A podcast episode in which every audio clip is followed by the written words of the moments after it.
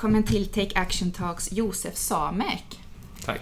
Du är professor på institutionen för organisk kemi på Stockholms universitet, där du främst fokuserar på grön kemi inom organisk syntes och biomassabearbetning. Stämmer. Och 2012 så grundade du också företaget Renfuel som producerar biobränslen från lignin.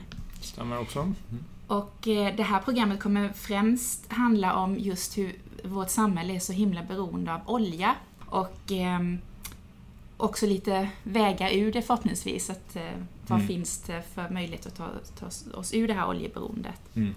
Men först, eh, bara för att vi har nämnt det då så vi inte glömmer bort det. Vad är lignin som, som ni framställer biobränsle från? Lite enkelt kan man säga att det är skillnad mellan papper och trä. Eh, det, ligninet är en, en eh, stor polymer som är ganska... Vissa saker är känd med den, men den är ganska okänd faktiskt för forskarna, hur den egentligen ser ut. Eh, och eh, man... Eh, den, den är ungefär en tredjedel av trädet i, i vikt. Men energimässigt så är den ungefär 50% av trädet. Så att eh, ligninet ser, mer, ser ungefär... Eh, den ser mera ut som råoljemolekylerna än vad till exempel de andra delarna av trädet ser ut.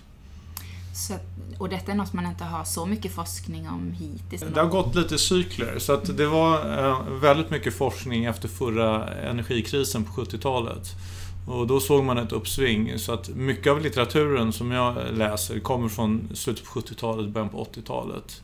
Och Jag läste en sån översiktsartikel när någon samlar liksom forskningen från 84 eller 85 och där de liksom skrev en dödsdom över den här forskningen att det är så synd att man hittar de här oljefälten för att nu finns det ingen forskningspengar kvar till det här området och nu kommer det här liksom inte att eh, gå vidare. Och så var det verkligen. Att eh, man la nästan ner all forskning i, i, i, kring, kring biomassa och, och, och biobränslen. Och sen så Eh, 2005 ungefär så, så kom det några nya artiklar kring det här området som fångade upp många forskare, bland annat jag då. Eh, och, och sen så från 2010 så har det blivit ett hett forskningsområde eh, som hela tiden växer. Så att om man till exempel googlar lignin, ordet lignin och tittar på sökträffar så ser man att det liksom går upp i slutet på 70-talet och toppar någonstans kanske 82-83 så börjar det gå ner och sen så är det ganska dött fram till 25. Och sen från 25 till nu så är det liksom en, en, en, det, eh, en, en stigande trend. Men det ser inte riktigt ut... Det som är skillnaden mellan 70-talet och nu det är att vi egentligen inte har en akut energikris utan vi har mera en, en medveten eh, medborgarrörelse som, som, som har uppmärksammat det här. Att vi behöver ersätta de fossila bränslena. Ja, det som är fördelen med ligninbaserade biobränslen, det är dels att det finns en stor, Sveriges största industri är skogsindustrin. Den är eh, gigantisk. Den driver egentligen svensk ekonomi till stor del.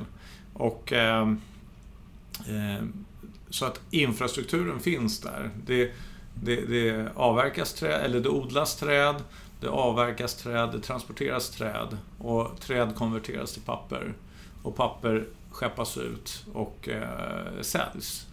Och, och den industrin finns ju redan. Så att om man kan ta en sidström från den industrin eh, som redan finns, då tjänar man väldigt mycket på det.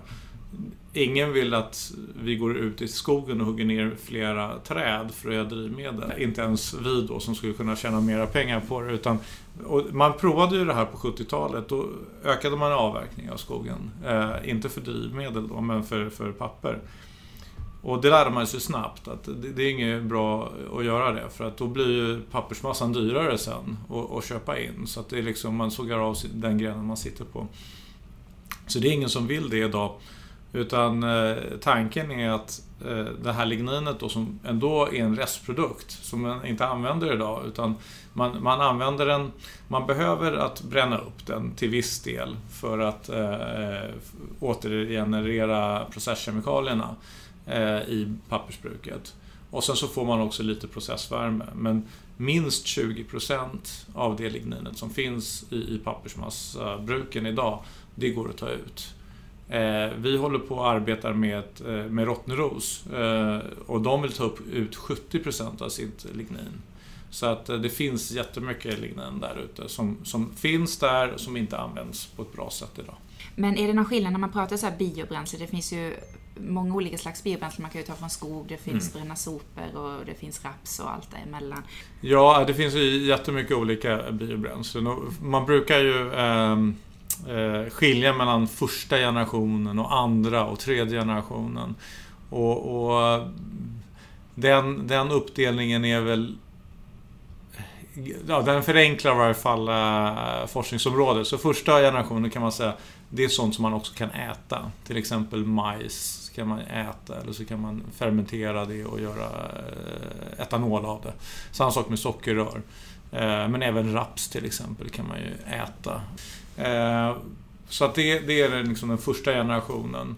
Sen kommer andra generationen och det är den som man inte kan äta då. Så att eh, lignin ingår där till exempel.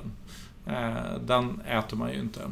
Sen finns det också en tredje generation och det är mer så här liksom Typ om man skulle kunna framställa alger som kan producera eh, biobränslen i haven till exempel. Då skulle det vara en, en tredje generations. Men det finns inte än? Nej. Eller? nej. nej. Det, det, är mycket forskning på det, men okay. det finns inte än. Eh, och som jag nämnde i början, det kommer handla mycket om olja och, och mm. eh, biobränslen är ju ett sätt att få ner mm. oljeanvändandet och fossila bränslena. Mm. Så jag tänkte om, vi, om du vill förklara lite just hur beroende vi faktiskt är av olja. Mm. Eh, allt vi har runt oss mm. är ju egentligen olja idag. Eh, jag kan rekommendera lyssnarna då till en jättefin bok av eh, Therese Uddenfelt som heter Gratislunchen och varför allting kommer ta slut. Jag tror, jag tror att jag missade lite på titeln där, men om ni googlar Therese Uddenfelt så får ni fram den boken. Hon beskriver det här väldigt bra på många olika sätt. Men det stämmer det hon säger också i boken, att vi är otroligt beroende. Även saker som vi inte, kanske inte tror det finns olja i, finns det olja i. Så att vi vet att det finns bensin och diesel och vi vet förmodligen att däcken som, som finns också innehåller plast och, och det kommer från oljan och sådär. Men Även bordet som vi sitter vid här har, har olja. Våra kläder innehåller massor av olja. Och all utrustning som, som vi använder dagligen, datorer och sånt där, innehåller väldigt mycket olja. Och även mediciner? All, alla mediciner.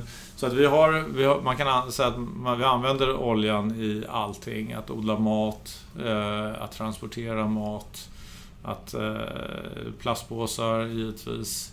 Eh, och, och även eh, vissa pappersprodukter har, finns, det, finns det olja i. Så att det finns överallt. Yes.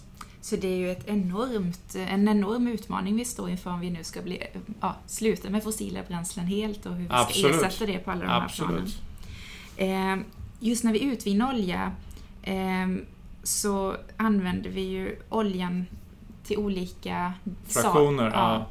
Jo, oljan är ju en miljard olika komponenter och det första som händer när man har pumpat upp oljan det är när det kommer då till raffinaderiet, det är att man hettar upp oljan och, och då fraktionerar man den.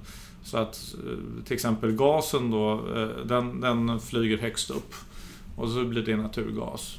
Och sen så finns det en fraktion under och den blir eh, bensin. Och sen så kommer en liten, liten, liten ström som, som är kemikalier också. Och sen kommer diesel och flygfotogen och sen så kommer det bunkerolja och till däck och till asfalt. Så att eh, allting nästan går till transporter i ett eller annat sätt. Så att drivmedel, däck och asfalt är de stora, stora fraktionerna. Men en liten del går också till alla de här kemikalierna. Och det är bara 5%, men det är, det är ganska mycket. Jag har räknat ut att man vi raffinerar ungefär 25 stycken Globen arenor eh, fulla med råoljor varje, varje dag. Och en av de här går till kemikalierna. Och när du säger kemikalier, det är just det som går till plast och kläder och datorer och mediciner och så vidare. Mat. Mat och, mm. Och de andra 95 procenten är till transportsektorn. Dri drivmedel, drivmedel i form av asfalt och, och däck. Och allting, och, ja. så, och bunkerolja till fartygen är jättestor, det, det ska man inte glömma. Ja. Det är också transportsektorn. Ja. Mm. mm. Men om vi tar ett steg i taget. De här 95 procenten, om vi börjar med de som går till transport. Mm. Hur ska vi ersätta dem? Jag tror Frågar att, jag dig. Ja, ja, jag, ja, jag, jag har nog inte ett fullödigt svar på det, men jag tror att det, det viktigaste är att man ser att det här är en jättekomplex fråga. Det kommer nog inte att gå att lösa det på ett enda sätt. Utan eh, det här kommer bli regionala eh, lösningar och väldigt också mikroregionala lösningar också. Så att till exempel i Stockholm så är det kanske onödigt att alla människor har en bil. Eh, vi har bra transportsystem, vi är många människor här. Eh, egentligen klarar man sig utan bil i Stockholm, så är det ju. Eh, medan om man bor i en, en annan stad där det inte finns lika bra förutsättningar för att ha en, ha en, liksom en, en eh, kommunal transportsektor som med bussar, tunnelbana, pendeltåg och allt som vi har här i Stockholm. Då, behöver man, då, då är det mycket viktigare att man har eh, tillgång till en bil.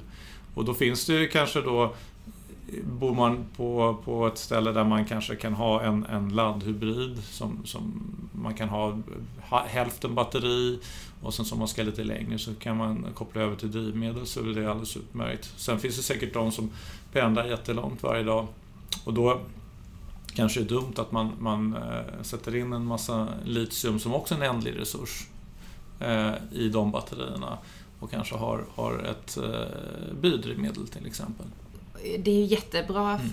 förslag på konkreta åtgärder. Mm. Men också om vi ser ett globalt perspektiv, hur, om vi nu måste ersätta överallt mm. bränslet, finns det, dels eldrivna mm.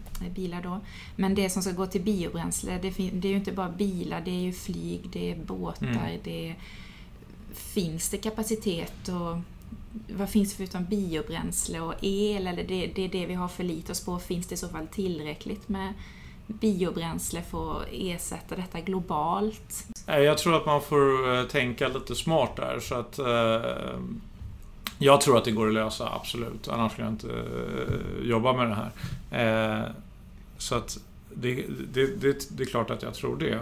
Eh, men, men som jag är inne på lite, att man får, man får liksom eh, försöka lösa det regionalt och också så tror jag att vi behöver goda exempel eh, och visa, visa att det går att fungera. Och här spelar ju Sverige en nyckelroll, tycker jag, att vi vågar gå före och säga att 2030 så ska vi bli 70% fossilfria. För när man går upp i en sån hög kvot då går det inte att liksom eh, ta frityrfetter och, och, och, och, göra om dem till eh, diesel och, och, lite tallolja och sånt där. Utan då måste man göra en, en, en, eh, en strukturomvandling av någonting. Det går inte att lösa, lösa det på ett annat sätt. Eh, så att, och det är bra, för att det, det är bra också nationellt för Sverige, för att vi, vi, vi som forskar på det eh, får också försteg. Eh, våra industrier i Sverige får försteg för att vi kommer äga tekniken så att vi kan bli både teknikleverantörer men också teknik, eh, alltså IP. Eh, vi kan äga IP och sälja teknik eh, till, till andra länder i framtiden. Så att eh, jag tror att eh, det är viktigt att, att eh, man, man vi kommer inte lösa hela krisen med att, att vi går före, men att vi visar att vi visar att det går, tror jag kommer göra att andra säger wow, det här funkar ju faktiskt. Och om lilla, lilla Sverige kan göra det här, vad har vi för förutsättningar? Och då tänker man kanske att Sverige är unikt, att vi har jättemycket skog och, och, och så. Eh, men det finns faktiskt väldigt många andra länder. Och det är inte, jag pratar inte bara om Finland och, och, och Norge nu som har samma förutsättningar som Sverige. Utan det finns länder som har betydligt bättre förutsättningar än Sverige också. För att Sveriges skog är... Oj, jag känner att jag behöver dricka, jag pratar för mycket. Sveriges skog är unik. Den växer långsamt så att vi får väldigt stark fiber. Vi har en väldigt fin skog i Sverige. Och eh, eh den lämpar sig till att göra liksom starka, starkt papper till exempel, stark kartong och sånt här. Och, och, och fina furumöbler och sånt. Eh, men det finns också eh, länder där, där skogen växer kanske fem gånger så snabbt som i Sverige. Och eh, de länderna, de kan producera också fem gånger så mycket som vi kan. Så om man tittar på Sverige tror jag ungefär gör 10 miljoner kubikmeter papper varje år. Och jag tror Kina gör ungefär 140. Och eh, om man tittar på USA så är den också ungefär i, i häraden av Kina. Och eh, om man tittar på Sydamerika så är det liksom där, där har man verkligen kommit igång. Och eh, det finns här överallt. Finns det skog som man kan, kan använda. Och nu pratar vi som att det är skog som kommer vara den största majoriteten av biobränslen även om det finns Absolut. andra alternativ. Absolut, det är skogen. För att om man tittar, om man tänker sig liksom ett, ett fält med, med majs. Då, det har man sett när man åker ner i Europa till exempel. Då är det liksom en majsplanta som kanske är två meter hög i bästa fall. Och den är ganska tunn. Och sen så är det liksom bara en liten, liten del av hela eh, biomassan som man då ska skörda och, och, och, fermentera och allting. Om man tittar på en, en skog istället, då kan man bara tänka sig nästan ett träd som har ungefär lika mycket biomassa som nästan ett helt fält av eh, majs. Och eh, sen så tänker man också på majset, då har man en, först en, en maskin gått där och plöjt. Och sen så kanske de har besprutat med kemikalier. Och sen så kanske de måste bevattna när det är torrt. Och så måste den skörda igen. Och det är det är mindre effektivt. Men om du har en skog så visst, du, ska du ha en effektiv skog så måste du också gå dit och gallra lite sånt här. Men det är absolut inte, det går inte att jämföra hur mycket koldioxid en skog binder jämfört med ett, eh, ett majsfält till exempel. Men om vi går in på det också när du sa att det binder kol. Det är ju väldigt många som är oroliga för det här att, ehm, eller det, en, det finns en annan debatt mm. om de negativa konsekvenserna med biobränsle från skog då, just att man hugger ner skogen så frigör det väldigt mycket koldioxid. Mm. Eh, och det släpps ju också ut i atmosfären och, och sen bränner man då och så vidare. Mm. Hur ska man ställa sig till det? Ja, fast alltså Ibland så tror jag folk också har fått det lite om, om eh, eh, bakfoten här. För att om, man, om vi tar råoljan, den är mycket enklare. Mm. Den finns inte i vår atmosfär. Den finns flera hundra meter ner i, i, i jorden ibland. Och så pumpar man upp den här oljan och så förbränner man den. Då blir det ett nettotillskott av koldioxiden. Eller hur? Det blir plus hela tiden. Det är en addition. Om du har en skog, då blir det ett slutet kretslopp på, på jorden. Man, man har eh, koldioxid i atmosfären och sen så binds den till träd som växer. Och, sen så, och, och då ska man också säga att träden växer mera i början av sitt liv än i slutet. De, har, de binder mera koldioxid i början, de första 20 åren. Eh, och sen så tar man ner trädet och sen så gör man papper av det. Och eh, Eh, och sen så kan man då göra biodrivmedel av det till exempel. Och sen så släpper man tillbaka koldioxiden i atmosfären. Och sen så kommer den tillbaka till träden. Så det är liksom ett bonus-malus-system i, i, i, eh, i atmosfären. Det är ett slutet kretslopp. Du ökar inte koldioxidmängden. Det är klart att när du, när du vet det, skär, eh, skär ner trädet och, och, och när man trycker på gaspedalen, det är klart att det frigör koldioxid. Men den koldioxiden binds också i, i träden. Det som är skillnaden... I de nya träden? Ja, i de nya träden. Och, eh, Men då gäller det ju också att plantera lika mycket. Jag tänker idag... Det gör man. Och, alltså Fast här... Jag tänker inte bara i Sverige, jag tänker det regnskog och ja. på stora ställen där, där stora mm. arealer bara mm. försvinner. I Sverige är inte det ett problem kan jag säga. I Sverige så har vi snarare ett annat problem av att att eh, vi, vi eh, låter åkrarna växa igen så att det blir mer skog i Sverige. Sverige har ökat sin skogsproduktion, alltså biomassa från skogen har ökat stadigt tror jag i, sen, sen man gjorde de här misstagen i, på 70-talet. Och det är av flera olika anledningar. Dels så, så är man effektivare i skogsvården. Eh, man gallrar bort eh, så att, så att eh, man väljer ut de som växer bäst helt enkelt. Och sen så är det så att vi lägger ner en massa pappersbruk i Sverige också. Det finns två typer av pappersmassatillverkning, eller det finns flera i och för sig, men två huvudtyper. Och det ena är mekanisk massa. Och då är det jättemycket energi som man använder för att göra papper. Och det är det som man har i till exempel tidningspapper. Eh, som tur är så får man inte så mycket betalt för de här för att folk läser på sina paddor nu för tiden. Så att de pappersbruken lägger ner. Men sen har vi också den här kemiska massan som vi gör eh, till exempel kartonger av och sånt och den ökar ju istället för att eh, vi behöver, eh, vi, vi, vi byter ut plaster mot kartonger och det är ju bra.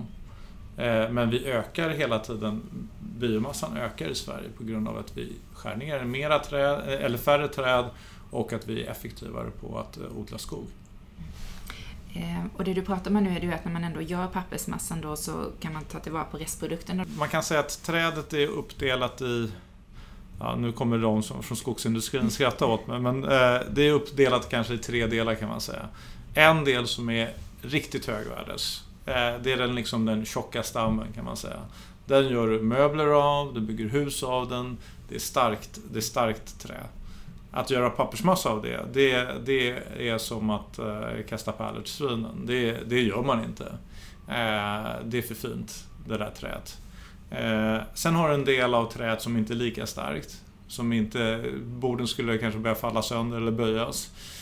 och då gör man papper av och sen så har du det slutgiltiga då som kallas för grot. Det är grenar, toppar och rötter. Och det låter man eh, vara kvar i skogen idag. Men det är en sån här del som, man kanske inte skulle ta tillbaka allting, men om, det, det är en del som man skulle kunna utnyttja bättre. Men idag finns det alltså ingen stor produktion av biobränsle från skog? Nej, det, det är vet du, den talloljan och då konkurrerar eh, den här eh, talloljedieseln, det är den här Evolution Diesel som, som Prem kör med den, den konkurrerar ju också då med, med vet, såpa och, och sådana produkter. Så att det, det, finns inte så mycket. Det är 2% av trädet medan ligninet är då upp till 30% av trädet. Så att det är mer än 10 gånger så mycket. Och, och, när man då hör och förstår detta ännu mer nu, om det är så liten procent, även om som eh, ni med fler då, att det finns mm. forskning runt hur man ska kunna utvinna mm. mer. Men då, då känns det ännu mm. mer osannolikt hur man ska kunna ersätta oljan när det är en sån liten procent eh, av... Eh, Fast det är en liten procent som är, är den här talloljan, men eh, ligninet är ju en mycket större del. Ja, det är så. Men så förhoppningen ja. ligger till alla de här nya teknikutvecklingarna, ja. att man ska kunna utvinna mer ja. utan att för den del göra stora kalhyggen, mm. utan att det ska återplanteras lika snabbt. Mm. Ja, men det måste det ju. Ja, för hela kretsloppet skulle ja. få ta upp, ta upp koldioxiden också.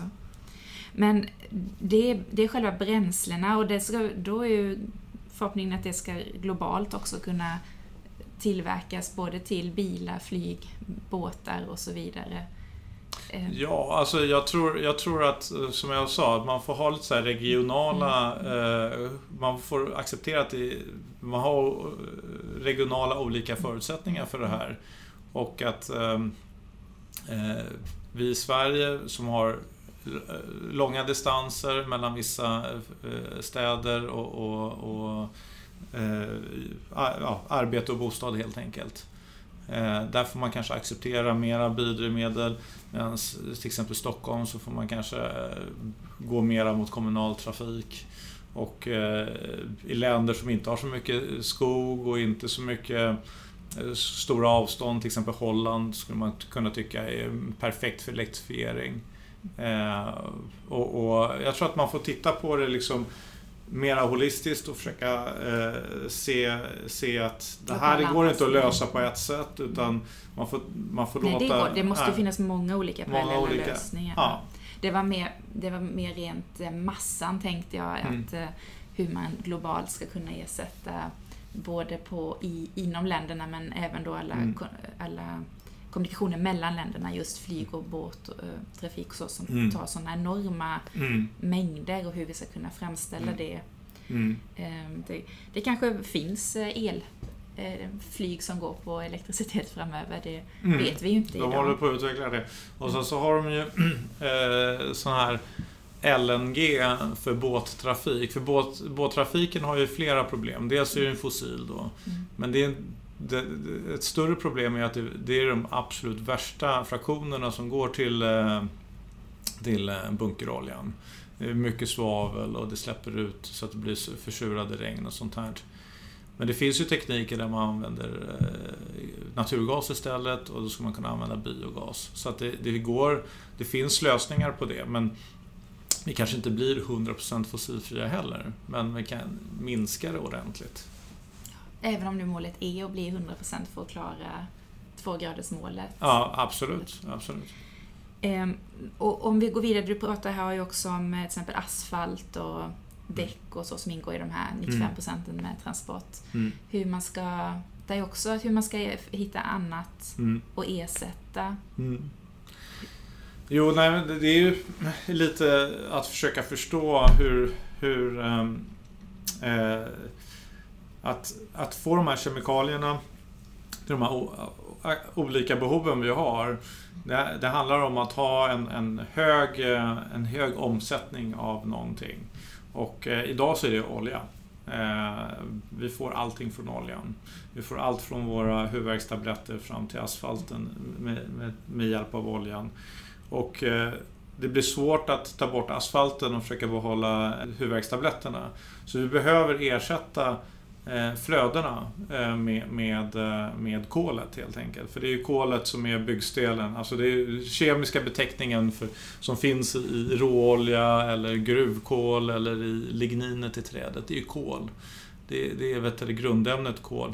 Vi behöver hitta någon annan källa till den här, det här grundämnet. Och, och jag ser biomassan då som en väldigt bra kandidat. Och det finns, det finns forskning på att till exempel använda även lignin då som, till asfalt.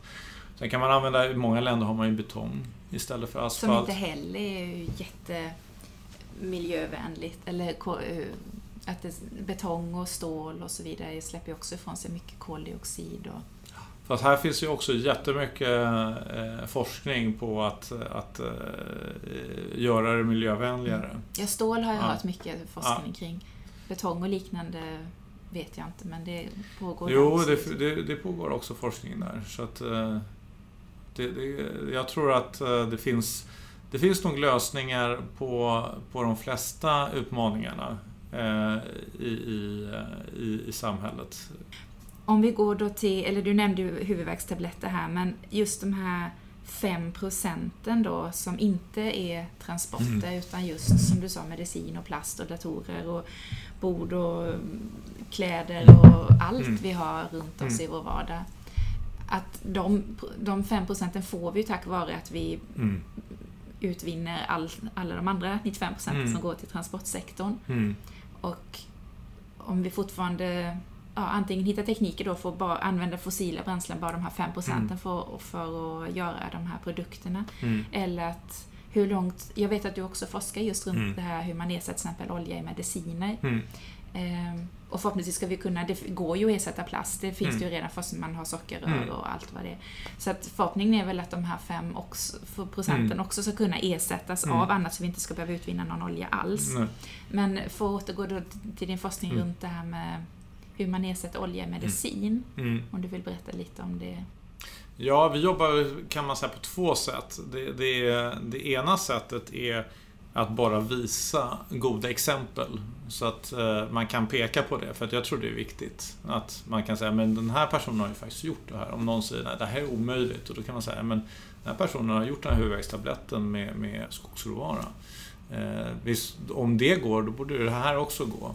Eh, och, och om man visar fler och fler sådana exempel hela tiden så, så tror jag att det självförtroende till, till eh, den, den, eh, de argumenten att det går att byta ut.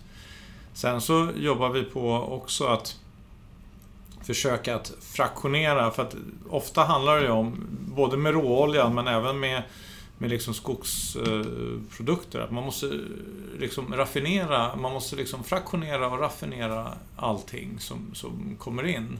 Och i, i, om man tar papperstillverkning till exempel så den raffinaderiprocessen den ser ut att man tar in trädet, man får ut, man får ut då pappret som eh, är en högvärdesprodukt.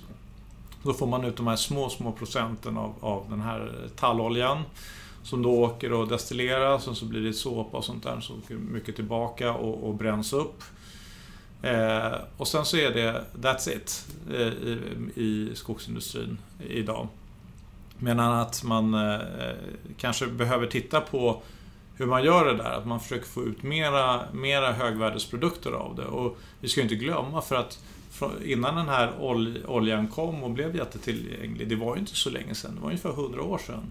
Innan dess så var skogsindustrin, det var ju bioraffinaderier. Vi fick alla våra, våra oljor och plaster från, från skogen i Sverige. Så att eh, för, förr om åren så såg de här bioraffinaderierna helt annorlunda ut. Man hade många mera fraktioner. Eh, och vi behöver nog komma tillbaka till det, men vi har ju nya behov idag. Eh, och, och därför kan man inte bara bygga de gamla raffinaderierna, utan man måste vidareutveckla dem. Men idén, idén finns och har funnits och tillämpats tidigare. Så återigen är det från skogen som det finns, eller i alla fall är det ni forskar kring, att att få ersätta oljan som finns till exempel i medicin och, mm. Eh, och plast och så vidare.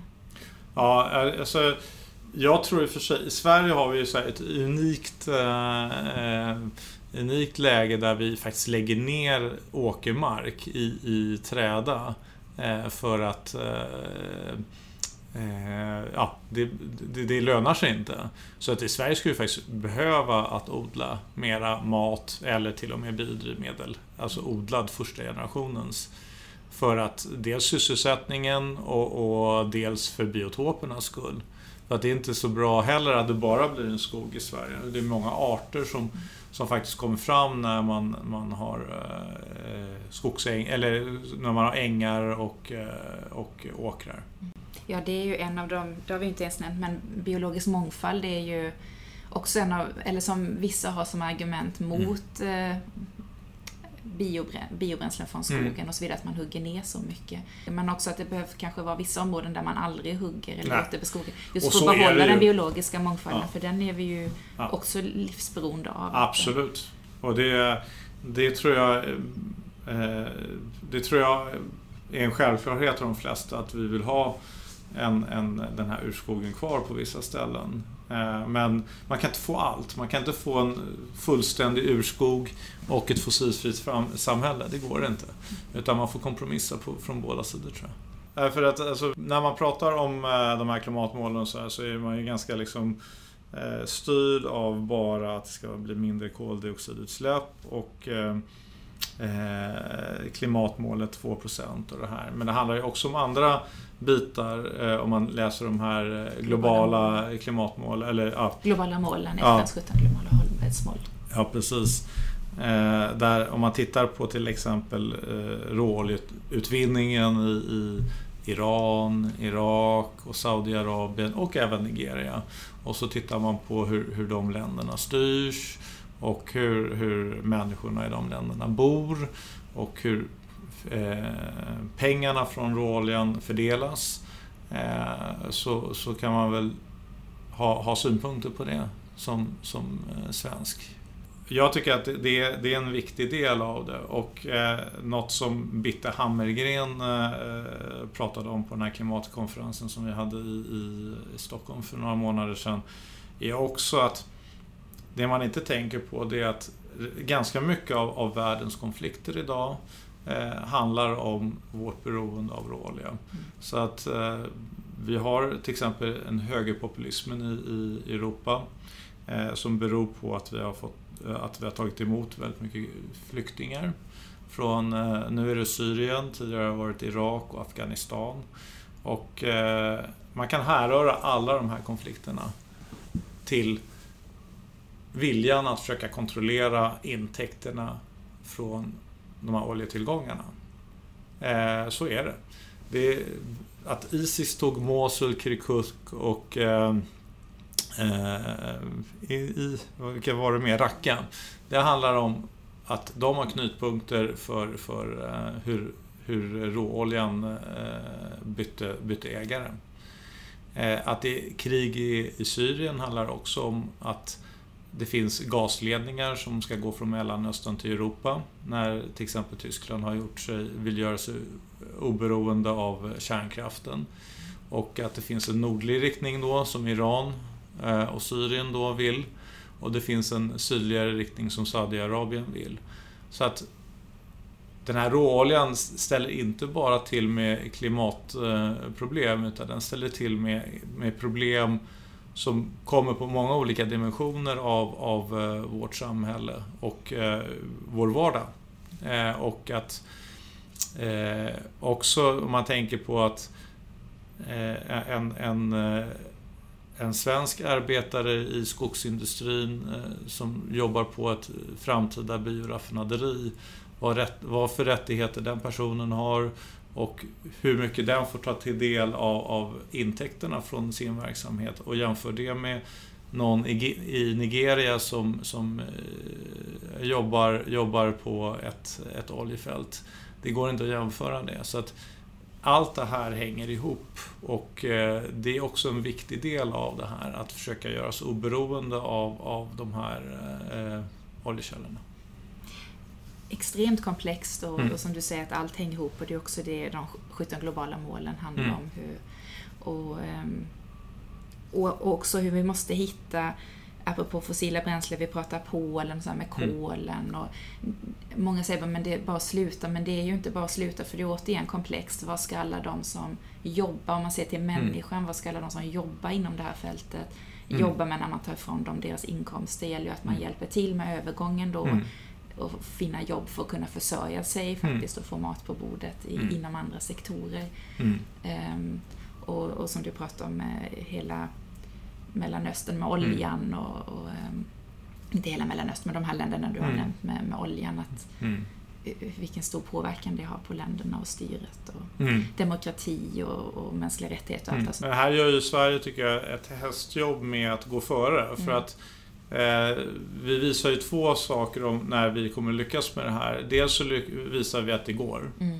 Eh, och, och, och, det tror jag kommer inspirera många andra. Men sen också att när vi börjar konkurrera med råoljan faktiskt, mm. då, då tror jag att, eller med kolet, då kommer de här länderna också tänka wow, det här måste vi, nu måste vi nog tänka om lite. Och jag menar om man tittar på, på Mellanöstern, de har ju mycket solljus som helst. De skulle kunna eh, sätta upp... möjligheter. Ja, ja, och det gör de ju redan också, Absolut. många av dem. Men de skulle kunna eh, påskynda det lite. Eh, Nigeria har också mycket sol. Mm. De behöver inte eh, gräva upp sin, sin, sina fossila tillgångar och, och låta andra länder exploatera dem. Och, och Polen har säkert mycket andra tillgångar än sitt kol. Så att jag tror att det är också, det är inte bara att man substituerar någonting utan man visar också att man kan tänka nytt. Och det behöver de här länderna göra också. Hela världen behöver Hela rappa på. Absolut. och, och, som du säger att Sverige, just att vi har möjligheten, eftersom vi är ett sånt litet land också, mm. så har vi också möjlighet att profilera oss extremt mm. och gå för. Som du säger, det är mm. många som har sagt att om inte Sverige lyckas som har så bra förutsättningar vem ska då lyckas? Mm. Att vi måste visa att det går och bli mm. en förebild och att, eh, för, för, resten av världen så att säga, tillsammans mm. med andra länder. Mm. Men eh, du nämnde solceller bland mm. annat här. Om, vi, om man pratar solceller och vindkraft och vattenkraft, vad, vad, vilka områden kan de ersätta som vi använder fossilt till idag? Vilka områden kan de inte ersätta? Mm. Eh Dels så, eh, de, de skapar elektricitet och elektricitet kan man ju använda till uppvärmning och, och, och driva industrier, eh, göra betong till exempel eller göra eh, stål och sånt här. Så att eh, det går att ersätta väldigt mycket och även transporter. Men om man ska ha transporter då, då behöver man då också kunna lagra den här elektriciteten. Som i batterier? Som i batterier, precis. Som eh, litiumbatteriet. Eh, eller i bränsleceller, då, då eh, skapar man ju vätgas istället. Så att eh, det går ju att ersätta delen av, av eh, oljan som går till energi. Eh, däremot så går det inte att, det går inte att göra huvudvärkstabletter på elektricitet. Det går att driva eh, industrin som gör det kanske, men det går inte att göra tabletterna. Så det är de här, vi skulle kunna använda stor, stor del av vind, vatten och sol till de här 95 procenten som har med transport att göra, men det är de här 5 procenten som är kemiska som... Ja. Eh, I, inte med dagens teknik skulle jag säga, nej. för att dagens... Alltså, eh, det, det batteriet som finns, den teknik som finns, det är mm. litiumkobolt. Och där finns ju också svårigheter och begränsningar. Det finns svårigheter och begränsningar och, och också det är en ändlig resurs. Om man skulle kunna konvertera från litium till natrium till exempel, då skulle jag, även om natrium är en ändlig resurs, så finns det oändligt mycket natrium i, på jorden. Så den, den dagen man har löst det, då har man också löst, eh, tror jag, eh, batterierna. Men, eh, och jag tror att det, det, det är jättemycket, bedrivs jättemycket forskning på, på det här. Men litium i sig kommer aldrig att lösa den, den stora energikrisen. Men om vi ska sammanfatta lite så, så just sol, vind, vatten tillsammans med biobränsle mm. kommer, ja, kommer att vara det som eh, ersätter fossilt bränsle, hoppas vi och håller tummarna Absolut. Och, och förhoppningsvis kanske nya teknik som vi inte vet om idag, eller nya, ja. Något nytt vi inte har uppfunnit än. Absolut.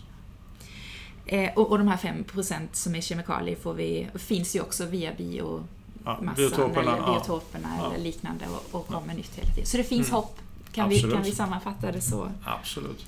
Eh, jag brukar avsluta varje podd med att fråga den jag intervjuar om några konkreta tips som man faktiskt kan göra i sin vardag för att bidra till ett hållbart samhälle.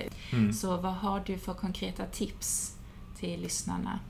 Ja, det finns ju många tips, men eh, för att, att dra ner det till eh, eh nå någonting som jag själv eh, gör är begagnade kläder faktiskt. Och det finns flera olika anledningar till det.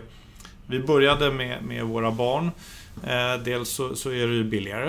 Eh, men vi, vi, är ofta väldigt rädda för kemikalier i maten. Det finns mängder av eh, sån här ekologiska mat som, som föräldrar köper och, och, och, och är, tycker är viktigt.